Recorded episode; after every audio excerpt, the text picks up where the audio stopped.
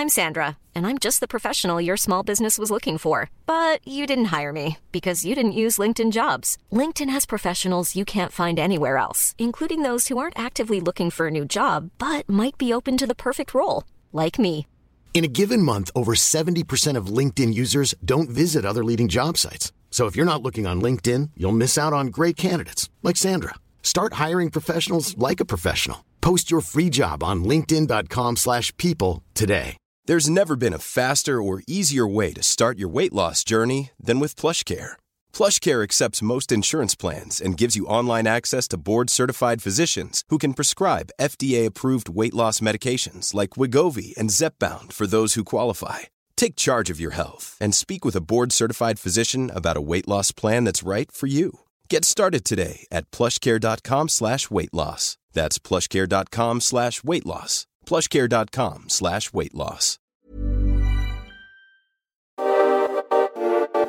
Ni lyssnar på Bagge och Brobacke podcast. I 30 minuter varje vecka kommer vi ge vår syn på marknaden med fokus på pris, makro och sentiment. Välkomna! Då var det äntligen dags för avsnitt 36 av Bagge och Brobacke podcast.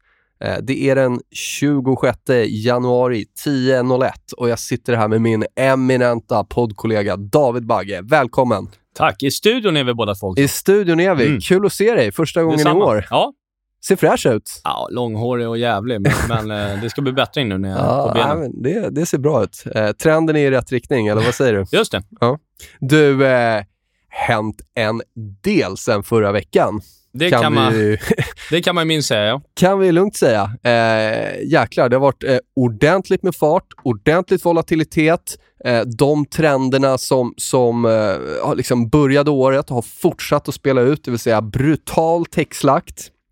Har faktiskt fortsatt eh, den här veckan och det har ju närmat sig i princip panik i, i mycket. Eh, vi fick en ränta som började handlas ner ganska snabbt, eh, men, som har lugnat ner sig lite. Vi ser en enorm relativ styrka i råvaror. Eh, mitt i bäsen igår när, liksom breda index var ner eh, otroligt mycket så stänger liksom XLE brun energi på 4% upp och så vidare. Eh, råvaror fortsätter handlas bra. Value ändå försvarar viktiga nivåer. Vi ser Europa också försvarar viktiga nivåer. Så att, eh, jag tror du sa väl det. Du, du pratade väl om någon typ av eh, riktig panik som vi inte hade riktigt sett förra veckan. Och Den du, kom ju. Och du fick panik. Den kom, Du fick panik. Eh, så att, det, det är väl eh, bara en liten sådär en kort sammanfattning. Men, men eh, Bagge, vad har vi mer att prata om? Eh, du, du brukar ju alltid, Ja, jag, alltid göra den här recapen så bra, så jag, jag låter dig ja inleda. vi inleder med en liten recap då. Eh, som du säger, eh, ruggiga slag eh, på börserna eh, sen förra onsdagen, eller redan innan den onsdagen. Men som, som du nämnde, så det vi sa då var att vi saknade någon riktig här panikdag där Eh, Put call ratio exploderar, volymen exploderar, eh, VIX exploderar. För det hade vi inte haft innan eh, när vi satt förra veckan på onsdagen. Ehm, då, Värt att säga det, bara, förlåt jag bryter in, men värt att säga också är att några av de här kontrakten som, som verkligen har åkt på stryk här nu var ju fortfarande precis på linjen där. Typ Mm. small cap i, i USA och så vidare. Och S&P var ju faktiskt fortfarande över liksom sina viktiga stöd. Då. Ja, exakt. Som vi faktiskt har kommit ner lite under nu. Men, eh, nej, eh, och då sa vi förra veckan då att vi borde kunna se den här typen av panik kring, kring lösen. Eh, och eh, Det är ju inte ovanligt att vi har en botten måndagen efter lösen. Och eh, I måndags då, då var det ju dessutom lite eh, mer rubriker om, om ryssen och så vidare. Kanske spädde på sentimentet lite. Jag tror inte det vägde in så jättemycket. Men både här på hemmaplan och framförallt i, i, ja, även i Europa. Det var en bred nedgång, får man säga. Eh, vi var ner 4 lite cross the board. Eh, men då fick vi också det vi eftersaknade. Vi fick de här spikarna som vi, som vi saknade och vi fick ju volymen i USA. Eh, med handelsvolymen på SPY eh, var ju den högsta eh, sen VIX-kraschen exempelvis eh, 2018. Ska jag berätta något annat coolt då? QQQ-ETFen. Exakt. Mest handlade någonsin sen den noterades 1999 Ja. i måndags. Största volymen någonsin. Det, det... Sen, sen, finns det en caveat där att det är såklart att eftersom att marknaden är värderad högre så, ja, men, men, liksom eh, ändå mest omsatta någonsin sen den noterades ja. 1999. Ja, det, det, det, är rätt intressant. Också eh, handelsdagen efter den näst största eh, OPEX expiry någonsin. Ja, Nej, det, det, det satte sina spår kan man säga. Ehm, och ehm, det här då eh, tolkar ju jag fortfarande som en, liksom en, en, en kraschbotten. Framförallt efter att de här äh, nedställen eller den här massiva volymen kommer liksom efter minus 12% på S&P sen på tre veckor eller minus 23 på, på Nasdaq 100 sedan toppen i november. Eh, och Det behövdes någon sån här riktig urblåsare. Eh, och sen är ju, sen är ju frågan då, eh, det är det här som blir lite klurigt. Jag som är liksom bearish på helåret och, och höll föreläsning förra, förra veckan, kanske en del av er lyssnare som lyssnade in på den i fredags. Jag höll en för Linköpings universitet under torsdagen. Um, har jag även en fastnådd tweet på Twitter från i början av januari.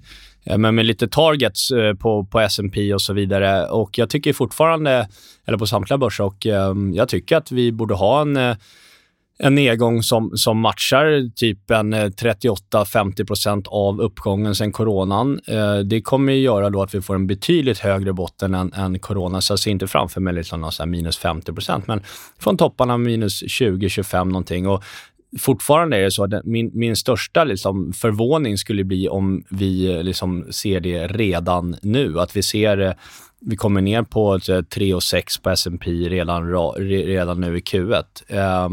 Jag tycker mig dock eh, fortfarande se att eh, liksom, vi ska ha eh, varmluft kommande, kommande veckor.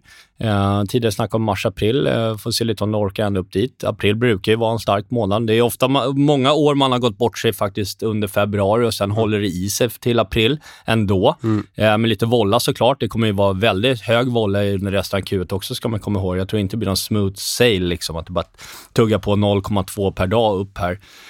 Um, men men um, det som är ju att det är väldigt högt upp nu till, nu studsar det väldigt bra i, um, i, i börserna idag. Men eh, likväl så är det ju högt upp till gamla, gamla highs. Mm. Och det som ser bäst ut, det tycker jag fortfarande är då, som du nämner själv, det är Europa.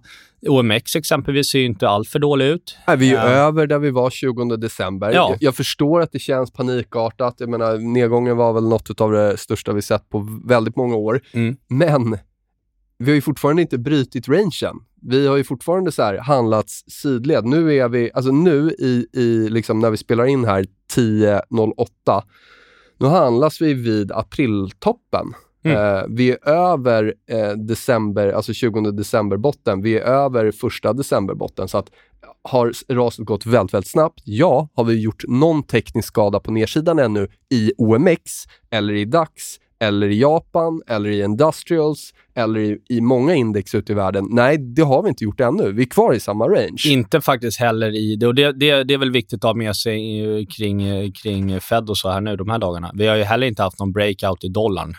Eh, så att, och kopparn ser fortfarande liksom bra ut. Eh, råvaror generellt. Så att det, det är ingen bred risk-off, utan det är det här är liksom en, en, en aktierelaterad eh, risk-off, framför allt inom tech och tillväxt.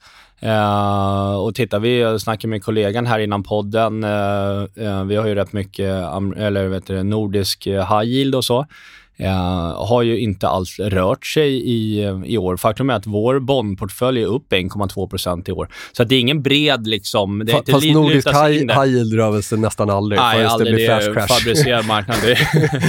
men, men, men ändå, det är ingen bred Nej, liksom, Nej, risk Den kommer ju komma om börserna fortsätter vika skarpt. Då kommer det ju bli så generellt, de här blandmandaten eh, men har en bondportfölj som är flat eller upp och börsen är 20, ja men då kommer du ju börja sälja eh, sälja ner bonds för mm. viktiga in aktier. Så men, är det ju. Om, men där är vi inte. Ja, om allt ska ner, om vi ska få liksom, eh, corona 2020, februari-mars-rörelsen, då handlar man ju inte upp energi, och olja, och basmetaller och agriculturals på nya högsta. Nej. Det gör man inte. Nej. Det ser ju mer ut som en våldsam rotationstrade än en ja. all risk-off-trade. Exakt, ja. exakt. Och Jag tror den där all-risken kommer senare, eh, men, men eh, den tror jag, det är nog i så fall kanske maj, början av sommaren där. Eh, som det blir. Men jag tror att vi ska upp en, en vända först. Då. Sen är det inte givet att vi måste sätta en ny all time high på S&P. Det är en bit upp, men best case då är liksom, ja, att vi tar, tar igen i alla fall typ 61 av, av den här nedgången. Då är vi på 4,6 eh, och vi skulle kunna leta oss upp mot 4,8 också då, men, men, men där, i, där i krokarna. Jag tror både i S&P 500 och i Nasdaq eller QQQ så är det vissa nivåer som jag tycker att så här, de, de behöver tas tillbaka för att man ska ha liksom en, en säkrare studs där eller få någon typ av studs. Och då är det samma nivå som, som jag nämnde förra veckan, 4500 på S&P. Eh, eh, jag tror att, eh, tror att det är farligt eh, under där. Eh, och i QQQ då, så är det 350 US-dollar. Mm. Eh, det var botten i oktober 2021, det var botten i juli 2021. Eh, och man, man, kan i alla fall definiera sin risk mycket, mycket bättre om man tar, tar traden över den nivån än under. Eh, jag tycker att under så finns det fortfarande så, så mycket så mycket spelrum ner till nästa viktiga stöd. Då. Ja, och i den här volatila marknaden, jag menar när, när ett index som på måndagen i USA är ner liksom 4,5% för att sen liksom rusa upp 4,7% så är det ju det är väldigt viktigt att ha en, eh, en, som alltid är väldigt viktigt att ha en plan för sin, eh, för sin handel. Mm. Därför rör sig ett, ett världens största börs med 9% intradag så är det ganska lätt att gå bort sig under den dagen om man, om man sitter för nära skärm. kan så man säga. Är det. Så är det. Um, så det... Motsvarande nivå på Nasdaq, jag nämnde QQQ där, 350, det skulle vara 14 500 och vi handlas nu till 14 400. Så det är ju inte eh, det är inte så långt kvar innan man får en tydligare definierad risk nej, på nedsidan, nej. tycker jag. Och det kan man väl ha med sig. Och på nedsidan generellt då för resten av Q1, skulle liksom det här, säg 4200 då, om vi, om vi rundar av lite måndagsbotten här på, på S&P skulle den brytas med kraft, ja, då kommer det se betydligt brunare ut. Men då skulle jag också vilja se i samma veva då en breakout i dollar och så vidare eh, för att se att det blir en, en riktig risk-off. Men där är vi inte nu och jag tror inte... Eh, ska jag betta på någonting så tror jag inte att det sker här i, i närtid heller. A lot can happen in the next three years. Like a chatbot maybe your new best friend. But what won't change? Needing health insurance. United Healthcare Tri-Term Medical Plans are available for these changing times Underwritten by Golden Rule Insurance Company, they offer budget-friendly, flexible coverage for people who are in between jobs or missed open enrollment. The plans last nearly three years in some states, with access to a nationwide network of doctors and hospitals. So for whatever tomorrow brings, United Healthcare Tri-Term Medical Plans may be for you. Learn more at uh1.com. Hey, it's Ryan Reynolds, and I'm here with Keith, co-star of my upcoming film, If, only in theaters May 17th. Do you want to tell people the big news? All right, I'll do it. Sign up now and you'll get unlimited for $15 a month in six months of Paramount Plus Essential Plan on us. Mintmobile.com slash switch. Upfront payment of $45 equivalent to $15 per month. Unlimited over 40 gigabytes per month. Face lower speeds. Videos at 480p. Active Mint customers by 531.24 get six months of Paramount Plus Essential Plan. Auto renews after six months. Offer ends May 31st, 2024. Separate Paramount Plus registration required. Terms and conditions apply if rated PG. Ja, ska man prata lite rapporter Det tycker jag. Eh, börja eh, smyga igång, eh, både här hemma. Eh, Sandvik var i förra veckan. Vi hade Atlas Copco i, igår. Eh, kom väl in lite mjukare. Eh, men, eh, och aktien stängde ner 5 men, men eh, estimaten kommer upp i marknaden, en 2% på den rapporten. Så det är väldigt många banker som höjer Atlas till, till köp idag, idag då, efter nedgång på typ 17 year to date. Även, även det fina, finaste verkstadsbolaget vi har i Sverige har faktiskt kommit ner. Eh, Netflix var ju alla stora, det stora kortet i USA hittills. Det var ner 22% på sin rapport. Då. Eh, fortsatt ner efter. Eh, däremot så har volymen nu varje dag avtagit, eh, vilket är, är någonting man brukar se innan, i alla fall det, det, innan det bromsar upp. Borde väl kunna studsa lite även där kan jag tycka. Microsoft tog sig emot initialt igår kväll efter stängning. Eh, väldigt svagt, var inne i 8 Eh, men man lyckades prata upp den på kolet och stängde plus en jämfört med, med ordinarie close. Då. Så att det var en fin, riktigt fin reversal i, i Microsoft. Då. Eh, bankerna, det är ju USA, de har kommit in, kom in svagt förra veckan. Eh, det pratade vi om i förra podden. Eh, lite sämre, sämre eh, drag i, i, bank, i bankerna generellt och eh, ökade kostnader. Eh, här hemma var det framförallt Ericsson som stack ut igår. Eh, riktigt stark rapport, eh, rakt igenom. Eh, belönades med en uppgång på nära 8 procent. Ehm, och eh, idag har vi Essity då, som kommer in på den svaga sidan och ehm, kommer ner. Då. Eh, men det är torsdag, fredag som rapportsäsongen rullar igång på allvar. Då. Men som vanligt eh, väldigt stor skillnad mellan bolag och eh, eh hög, hög volatilitet. Äger ju lite banker borta i USA, bred XLF ETFen mm. och det var också ganska faktiskt Eh, den, behöver ju absolut eh, försvara de här bottnarna nu, men den handlas ju fortfarande över den där toppen från 2007, det vill mm. säga eh, runt 38 dollar.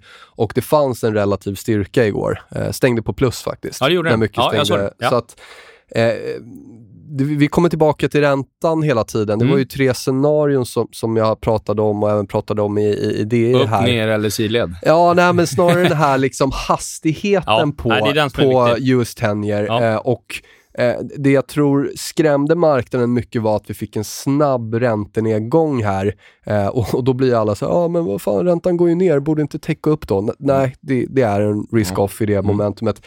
Däremot så har den räntenedgången stannat upp och jag är inte jag är inte så säker på att det här var toppen i räntorna. T tittar vi på då, om vi går tillbaka till råvarutraden, så ser vi liksom ändå en styrka. Eh, vi ser Eh, vi ser att eurobund, eh, eller bunden har stannat upp där under 1% och det ska inte sådär, US 10 ger lite under 2, det ska inte så jättemycket till för att vi ska göra nya högsta i räntan, nya lägsta i obligationerna. Eh, och då är det ett fortsatt boomer-race, ett fortsatt value-race. Eh, och Det tycker jag man ändå ser på var den relativa styrkan finns när det säljer på så här eh, mycket. Mm. Att det kommer ändå in köpare i, i liksom, ja, materials och, mm. och, och, och, energi och så vidare. Och så vidare. Så att eh, det scenariot lever fortfarande, att vi får en fortsatta räntor upp, fortsatt bra boomer trade och kanske en, en tech-tillväxt som i alla fall inte fortsätter att spåra på nedsidan, men handlas relativt sämre. Då, då. Mm. Ja, det, det, är intressant för att jag är, jag vet jag är nästan du... i andra kampet där. Um, vi That's började, what makes a market. Ja, ja. Uh, vi var uppe på 1,90 vill jag minnas förra podden. Eh, lite som vi pratade om då. Vi började faktiskt smyga in i lite bonds eh, via en ETF som heter US10 LN som är... Gav bra skydd misstänker jag. Ja, noterad i London. Ja, den, den eh, stack upp. Vi var upp en 2,5, ja, upp 2 på den. Men Nej, jag, jag, tycker rent tekniskt faktiskt att det ser ut som ett eh, liksom toppbygge här i krokarna i amerikansk tioåring. Fed kommer ju avgöra det såklart ikväll, eh, högst troligt. Eh, det, det, jag, det jag ser framför mig det är ju att, att vi kanske får en liten lugnare nedgång till typ 1,5 eller något. 1,5 procent. Eh, samtidigt som faktiskt också dollarn eh, eh, viker ner lite här kommande eh, månader eh, och eh, det behöver inte betyda att, att liksom value och så ska, ska, ska gå dåligt. Därför att jag tror att det blir en lite mer risk-on i marknaden generellt. Eh, däremot är det ju så att mycket technamn, tillväxtnamn, det har vi pratat om tidigare, men mycket grejer är ner 70-80% sen topparna. Eh, och det är inte liksom, och även Netflix då, som mm. är ner över 30 här på, på kort tid. Mm det är inte alls liksom omöjligt att du får en studs på 15-20 procent namn. Nej, alltså ska, ehm. ska den här marknaden vända upp brett, då måste ju de här utbombade techbolagen vända upp. Så är det ju. liksom. Det, vi, vi, kan inte ha vi kan inte ha fortsatt nedsida i tech och tillväxt och tro att det andra ska gå, eh, gå bra. Eh, Nej, sen kan det... Rel- ja. men alltså, det, det, det, det, för, för att vi snackade om den här Bofa sist och att ja. det, det, här, det, hade sålt så mycket tech och, och, så vidare. och så vidare. Men, men det visar väl ändå rörelsen sedan dess att eh, det, det, är fortfarande en väldigt crowded trade. Ja, så är det. Och, och, och det verkar inte som att, råvar, som att råvaror har blivit crowded. Eh, så, så, att eh, det blir ju spridningseffekter då när, när folk äger så mycket av det och även om man tror att man är liksom äger någonting brett, typ S&P 500, så är man ju jättetiltad mot tech. Då, så att vi, kan, vi kan inte se, och, och, så jag tycker det är jättepositivt att, att vi ser de här studsarna nu eh, även där. Eh, det, det, stärker liksom hela, hela uppgångsscenariot. Ja, absolut. det håller jag med om. Även om, även om kanske inte Nasdaq, som du säger, ska göra någon ny topp. Det ser ju snarare troligt ut att den kanske inte ska göra det. Då. Ja, det är en rätt bra uppsida dit. Så att, um... så att men, eh, men, men eh, det är alltid positivt när, när, liksom, när det inte blir panikförsäljningar såklart. Ja,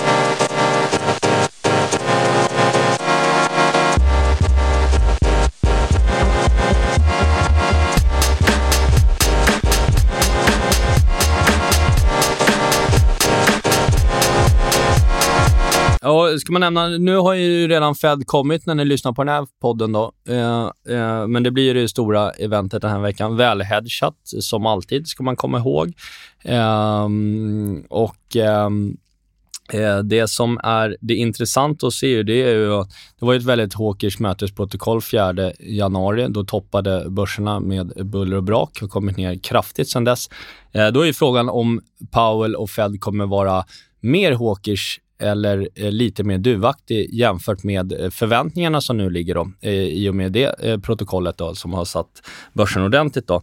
Ehm, och ehm, jag lutar väl lite åt att det blir en relief på, på Fed ikväll. Jag tror att han kommer säga att man kommer absolut inte backa på räntehöjningar sådär, men, men att man kommer upprepa det här att man kommer vara data independent. Jag har svårt att se att... Eh, De eh, dependent, eller? Uh, just det. Inte Vad, independent. Nej, just det. dependent. Sorry. uh, uh, nej, men jag, jag har liksom svårt att... Makro liksom har börjat rulla över. Makro som har kommit in den här veckan rullar över. Um, så jag har svårt att se att man skulle liksom dra till med en 50-punkters höjning som en del är rädda för redan i mars. Här. Uh, som vi sa förra podden så är det väldigt, väldigt ovanligt att, att, att Fed gör den typen av stora höjningar. Utan jag tror man kommer höja liksom, säg att man höjer 25 punkter och sen kommer man vara väldigt beroende av data framöver. Då. Eh, inprisat i marknaden är fyra räntehöjningar i år. Eh, det är 100 punkters höjning då, och ytterligare två till tre höjningar under nästa år. Eh, sen eh, så vill man ju också banta balansräkningen. Eh, och jag har lite svårt att se att man liksom kommer hinna med allt det här innan, innan börserna liksom säger ifrån ordentligt. Därför jag tror inte att det blir en liksom lugn seglats eh, med liksom sju, åtta höjningar på rad och att man börjar banta balansräkningen i, eh, i sommar. Det, det kommer liksom eh, marknaden kommer tvinga Fed att, att vända om innan man är i mål. Det är inte sagt, men det är inte sagt då att, att eh, börserna mycket väl kan liksom, eh, komma ner till de här liksom mer bär, bär eh, target på så här 3 och 6 på, på S&P. Men där någonstans så kommer ju eh, marknaden säga ifrån att eh, Fed får eh, lätta på bromsen igen. Då. Nu, nu brukar inte jag lägga allt för mycket tid på att tänka på vad Fed ska göra och säga, men var det inte så här fick inte Powell backa från, från sist när han när vi försökte göra ungefär samma sak hösten 2018 jo, där det handlades ner mycket och så, så var det plunge protection team och det, det, liksom, det, det, det sattes bra press på att nu, nu får det fan ta bottna här i, i, i slutet av 2018 där. Skillnaden då var ju faktiskt att man redan hade börjat Eh, dels hade man inte nollräntor eh, och man hade redan börjat bantat. Då höll man ju på att banta balansräkningen. Eh, till skillnad från nu har man ju börjat prata om det. Då satte sig S&P 20% på ett kvartal. Eh, jag menar, vi, vi var väl ner som mest här 12,5 på, på tre veckor. Bara av att man börjar liksom diskutera det. Eh, så det visar ju lite att eh, att det kommer knappast bli en enkel övning att göra den här gången. Eh, det, det, det ska man nog vara väldigt medveten om. Eh, men eh, det som kan vara intressant också då, eftersom att Fed redan har kommit när ni lyssnar på podden, det är fredagen som har en ganska stor makroskörd eh, i, ehm, i USA under svensk eftermiddag. Eh, det kommer eh, Core PCE. Det är ju eh, inflationsmått som Fed tittar väldigt noga på. Ehm, vi har också Employment Cost Index. Det är alltså löneinflation.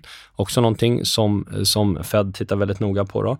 Och Sen har vi då eh, januari eh, Michigan Consumer Sentiment Index. Uh, kommer med i en bild av lite mer långsiktiga inflationsförväntningar. för tanken är ju här att, och det, ser, det är ju även prisat liksom i marknaden, att inflationen pikar någon gång i Q1 här. Eh, sen har ju den blivit mycket högre än vad Fed trodde från början. Den var transitory, nu är den uppe liksom på 7 Det är bra långt över deras target på 2. Eh, och eh, den, givet, eh, som vi var inne på i början här, råvaror och så vidare fortsätter upp, så kommer det ta längre tid förmodligen innan den, innan den pikar. Men vi kommer se lite kunna se lite halmstrån till det i alla fall då, troligtvis på, på fredag. Då. Och I så fall så, så kan det nog bli så att långräntorna kommer ner och eh, lite mer stabiliserade börser. Men, men som sagt, vi har Fedet, Feden är ju det stora eh, eh, den här veckan. Då. Prata lite index, det har vi gjort va? Ja, jag tycker sitter och kollar nu. Eh, OMX börjar röra sig uppåt 2300 igen. Mm. Så det har inte spårat ur där ännu tycker jag. Som sagt, det gick snabbt men eh, nivåmässigt så har vi inte brutit något på nedsidan ännu. Daxen upp en eh, 2,7 här nu och eh, upp fem, över 15 400. Eh, ser, ser, ser stabilt ut ändå. Eurostox liksom jättekraftig studs här. Eh, positivt såklart. Kopparn pressar, pressar på högsta. Uh, så att uh, vi ser ju, ser ju helt klart en, en styrka i råvaror. Uh, styrka, i, styrka i saker utanför, um, utanför USA. Vi ser um, lite intressanta grejer som börjar hända i Brasilien bland annat, mm. både på relativ basis. Um, där kan vi titta, om vi tittar på en bred Brasilien ETF, prisar den antingen S&P 500 så testar vi liksom tror jag, nivåer som vi inte har sett på 20 år, eller på 20 år och studsar. Och även om du tar emot resten av världen utan USA, alltså VEU.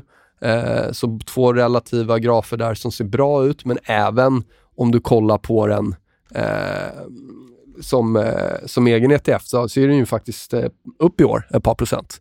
Så det ser ju verkligen ja, relativ styrka. Visst. Eh, och du kan, dra, du kan prata om, ja, Kina har vi pratat om också, det, det, det är också upp i år. liksom.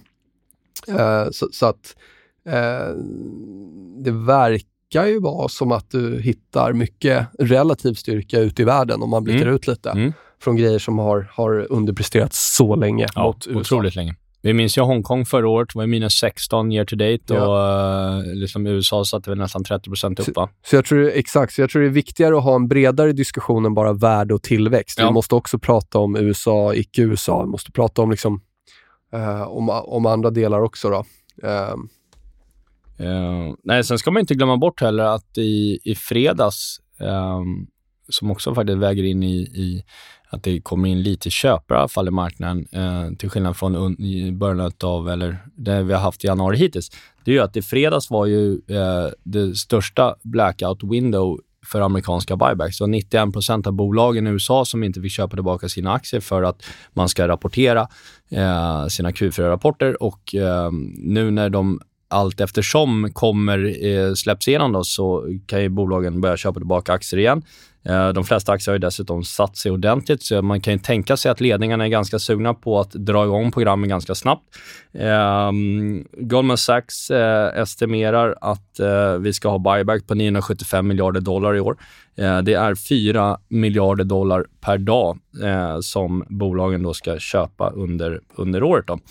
Um, och Sen uh, kan man väl också tänka sig att uh, vi har sett det lite faktiskt tidigare nu senaste veckorna att uh, vi, vi vet ju uh, att bolagen generellt har ju väldigt höga kassor där ute. Um, och det är väl inte omöjligt att vi får se lite mer ma aktivitet här kommande månader, kommande veckor heller för den delen. Um, och vi brukar prata lite sentiment. Um, jag hade med det i min föreläsning i fredags. Um, sentiment är ju vad det är. Man kan väl säga att det är ganska liksom, Fear and Greed Index, visst, inte nere på liksom någon här, liksom nollan som det var i, i covid. Men, men där, bara så vi lägger in den där, då, det är ju fortfarande mycket momentum och mycket bredd i den ja, indikatorn, mer än vad det är en ren sentiments... Alltså sådana saker som inte är mean reverting. Eh, bredd och momentum är ju inte mean reverting, Nej. så att den ska man vara försiktig med att... Och, eller jag vill påtala det i alla fall. Exakt. Ja. Men tittar man på typ AII, där de faktiskt frågar uh, vad, vad man tror om S&P kommande sex månader, så är ju spreaden där mellan andel bulls och andel bears förra veckan eh, är nere på eh, minus 26 Eh, riktigt många bärs i marknaden. Det brukar, som vi brukar säga, det är inte ofta då som det liksom bara brakar igenom. Mer än mars 2020 tror jag att det är. Faktiskt. Ja, det är den, det är den nivån om inte annat. Uh, och Bulls då nere på typ 24 procent. Uh, så att det, det, har ju satt sig ordentligt och det blir en spread däremellan då så är det Um, är det kring nivåer som, som liksom brukar vara, liksom, i alla fall om man exkluderar coronabotten. Även där var vi liksom nere kring de här nivåerna, men där fortsatte det ner ytterligare då. Det gick ju så snabbt där en vecka. Det satte sig 15% på typ två dagar. Ja, men i häradet så har det liksom inte varit... Du ser inte den här typen av readings eh, liksom på på, på, egentligen inte att det borde bara fortsätta skära rakt ner 20% till heller. Alltså, ska vi, om vi kommer tillbaka och, och tittar på lite säsongsmönster och sådär, mm. så var ju faktiskt avslutningen av året, början av året var riktigt stark. Mm. Och det är historiskt eh, en väldigt bullish indikation för de första ja, Q1, de första månaderna på mm. året. Mm. Så att även om det har varit, ja, vi fick julrallyt och sen har det liksom kraschat ordentligt, eh, men, men hitta köpare tillbaka nu. Eh, prata lite om OMX, liksom. Mm, den, mm, den mm. eh, det, det, eh, det, det, om vi säger så här, nu ser jag, om jag tittar på lite såna kortsiktiga re, retail-volymer, hur, hur, folk har positionerat sig här. Om, om, om tittar på DAX här till exempel, nu ser jag att 70 är, är, är, korta här nu. Mm. Och det är klart att eh, jättefer, snabb nedgång, eh, sentimentet är väldigt bäsat. Om du då får många som ska gå in och blanka studsen upp, då alltså det, det, blir liksom verkligen, eh, det, då drar det verkligen uppåt. Mm, mm, det, du, du, kan exakt. få ett rally bara på alla kortsiktiga spekulanter som ska in och blanka det här. Ja. Uh, jag hade varit betydligt mer oroad uh, om, om liksom köpvolymerna var uppåt en 70% för kortsiktiga spekulanter. Uh, men så ser det inte ut. Nu, har, nu har det vänt. Liksom. Mm, mm. så att du kan få den typen av så här, short covering rally, ett, ett rally som, liksom, som, som skär igenom det här negativa sentimentet och, och, och går lite längre än mm. vad många tror. Då. Mm. Sen tycker jag alltid att det är eh, så svårt att göra prediktioner för långt i framtiden. Så mm. att eh, eh, liksom, det, det, är lite som att, att, kolla på vädret, att ju längre man tittar framåt, desto mindre signifikans får det liksom. Eh, på något sätt. Det, det är svårare liksom. Men även den här sommaren borde bli varmare än vintern. ja. eh, nej, men eh, det är väldigt mycket tabeller ute i marknaden från olika eh, mäklare också. Hur det har sett ut vid tidigare tillfällen när vi har haft den här typen av starka drawdowns på väldigt kort tid. Eller hur det har sett ut vid snabba turnarounds i USA exempelvis, som i, i måndags. Jag såg en, en, en tabell från, eh, från eh, Sentiment Trader på, på, på, på Twitter, då, Russell 2000, som nu är ner då, eh, över 20% på mindre än tre månader. Eh, det har historiskt, eh, det här är data då sedan 80-talet, ehm, inträffat eh, sex gånger tidigare innan, innan, i, ehm, innan nu. Då. och det man kan säga är att på en vecka till en månad har det varit typ 50-50 att, eh, att börsen står, liksom, står, står högre eller utfallen har varit 50-50. Eh, däremot så när man blickar längre fram, eh, då, då börjar det hända lite mer grejer. Eh, vi har haft en, en eh, uppgång på två månaders sikt på 2,4 procent, tre månader 15,2, sex månader 13 procent och ett år eh, i snitt 28 procent. Och ju längre man, man tittar, desto eh, större andel eh, blir då eh, positiva när man kollar den här datasamlingen. Då. Eh, men kort sikt enligt den här då, och då tänker man då en till 0 till 2 månader egentligen, eller framförallt 0 till 1 månad, eh, så har man inte haft någon sån här jätte... Eh, eh man behöver inte ha jättebråttom in, för tidigare har det i alla fall blivit någon form av dubbelbotten eller så vidare. Men sen tittar vi framåt, eh, tre månader, sex månader, ett år, så, så har det eh, ofta stått högre och på ett år har det alltid eh, stått högre vid de tidigare tillfällena. Då. Ja, så att eh, vi får se. Vi, som sagt, eh, vi spekulerade i en botten eh, kring lösen efter lösen. Den eh, ser ju, givet dagens uppgång framför allt, eh, eh, så kan man, tycker jag, man kan säga att, att eh, vi fick en, en stark reversal upp här nu. Eh, sen får vi se med Fed och sådär ikväll. Det kanske blir lite mer kortsiktigt bottenbygge kommande dagar också, men jag tror att Fed måste vara väldigt, väldigt hawkish för att det ska skära rakt ner igenom. Vi ska få en bred risk-off, dollar upp eh, och så vidare. Och då, och då, är det väl, de som kan säger väl att då väljer man att då är inflationen det viktiga mm. och inte börsen. Mm. Och som sagt, Powell har ju, eh, han har ångrat sig förut. Ja, låt se. Mm. Ja, nej, annars har inte jag så det jättemycket mer på... På agendan? Nej, precis. Nej, men eh, vi kan väl åter slå ett slag för riskkontroll, portföljdiversifiering. Mm. Eh, liksom just det här det här, vi har pratat om det många gånger under förra året, att inte gifta sig med trades eller investeringar. Det är bättre att dejta dem. Mm. Uh, och det visar, väl, det visar väl både liksom rörelserna i krypto, rörelserna i tech och, och liksom vara ödmjuka inför att uh, vi, vi, vet liksom aldrig vad som kommer hända. Och börjar vi med att definiera vår nedsida och risk så tror jag liksom att man i alla fall kan undvika. Vi kommer alltid göra fel, vi kommer alltid ha förluster, men vi kanske inte låter det springa iväg för Nej, mycket. Obegränsat. Nej. Ska man eh, avsluta kanske bara med, eh, ha, har du gjort några affärer? Ingenting. Nej. Jag har suttit Nej. på händerna. Ja. Eh, jag eh, ville se att det här eh, ville se att det här stabiliserades. Mm. Eh, mm. Och det tycker jag i det liksom, absolut största delen av portföljen är ju EU-råvaror och value och, och saker som, som, liksom, eh, som gynnas av, eh, av en stigande ränta. Så att det, det har ändå hållit ihop bra. Vissa grejer nya högsta som jag mm. nämnde, mm. olja, XLE och mm. sådär.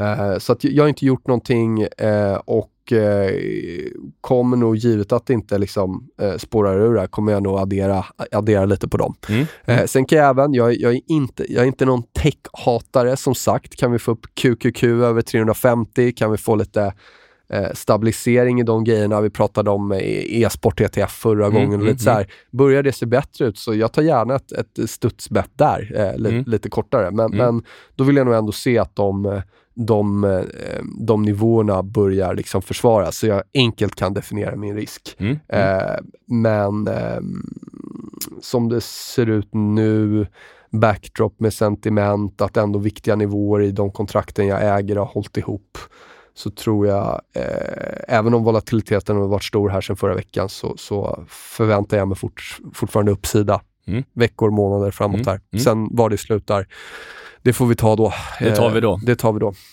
Um, nej, det vi har gjort sen förra veckan, inte så jättemycket faktiskt. Uh, jag köpte um, QQQ-ETF. Vi gjorde en, en resa i den i, i, i januari. Eh, ganska snabb, gick på så här 4-4,5 procent eh, i vinst på två dagar den gången. Sen släppte vi den. Eh, köpte tillbaka den eh, här kring de här nivåerna. Tycker spelare som sagt en, en, en studs även i tech. Då. Även köpt in SPY-ETFen kring de här nivåerna. Tycker att det är, känns som en bottenkänning i USA här. Um, det vi har gjort annars på derivatsidan, inte så jättemycket. Vi har köpt en call på OMX, uh, eh, lösen i maj, 2400-nivån. Um, ehm, gjorde vi igår, så den uh, borde betala sig uh, fint idag. Uh, och sen så gjorde vi en till sån som gjorde i fredags, gjorde vi i, i måndags, att vi ställde en säljoption på S&P 10% ner för den fick man 3,8 procent. För vollen har ju kommit upp så pass bra så de har egentligen kudde på nära 14 procent ner från i måndags. Det är ganska långt ner. Då pratar vi liksom 3 3850 nivån och så vidare. Eh, en lite längre sådan. Eh, tanken är, det är ett halvår. Tanken är inte att sitta och krama den ett halvår, utan eh, kommer vi upp här eh, ett par veckor, vollen kommer ner, så kommer man kunna eh, stänga den eh, med bra eh, profit eller köpa tillbaka den betydligt lägre än vad man fick in för den. Och för de pengarna så köpte vi en call med, med 5 eh, strike upp då med lösen i, i eh, maj, tror jag att det var. Så det är väl det vi har gjort. Eh, sådär, lite, liksom, lite bredare sådana liksom, strategier.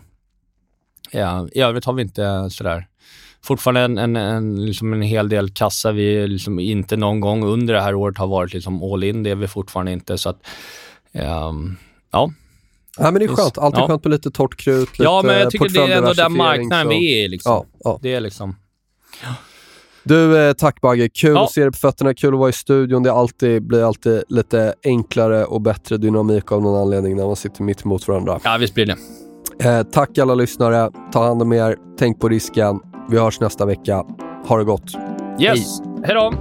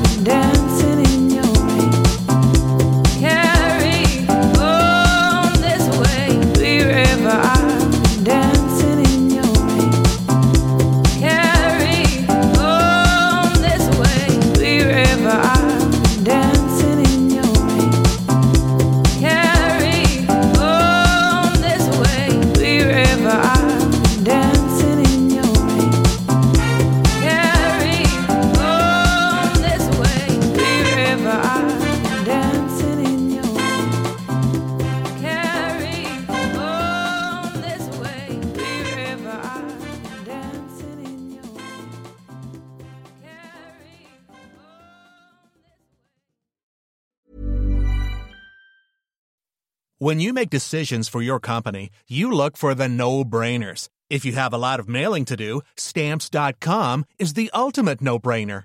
Use the stamps.com mobile app to mail everything you need to keep your business running with up to 89% off USPS and UPS. Make the same no-brainer decision as over 1 million other businesses with stamps.com. Use code program for a special offer. That's stamps.com, code program.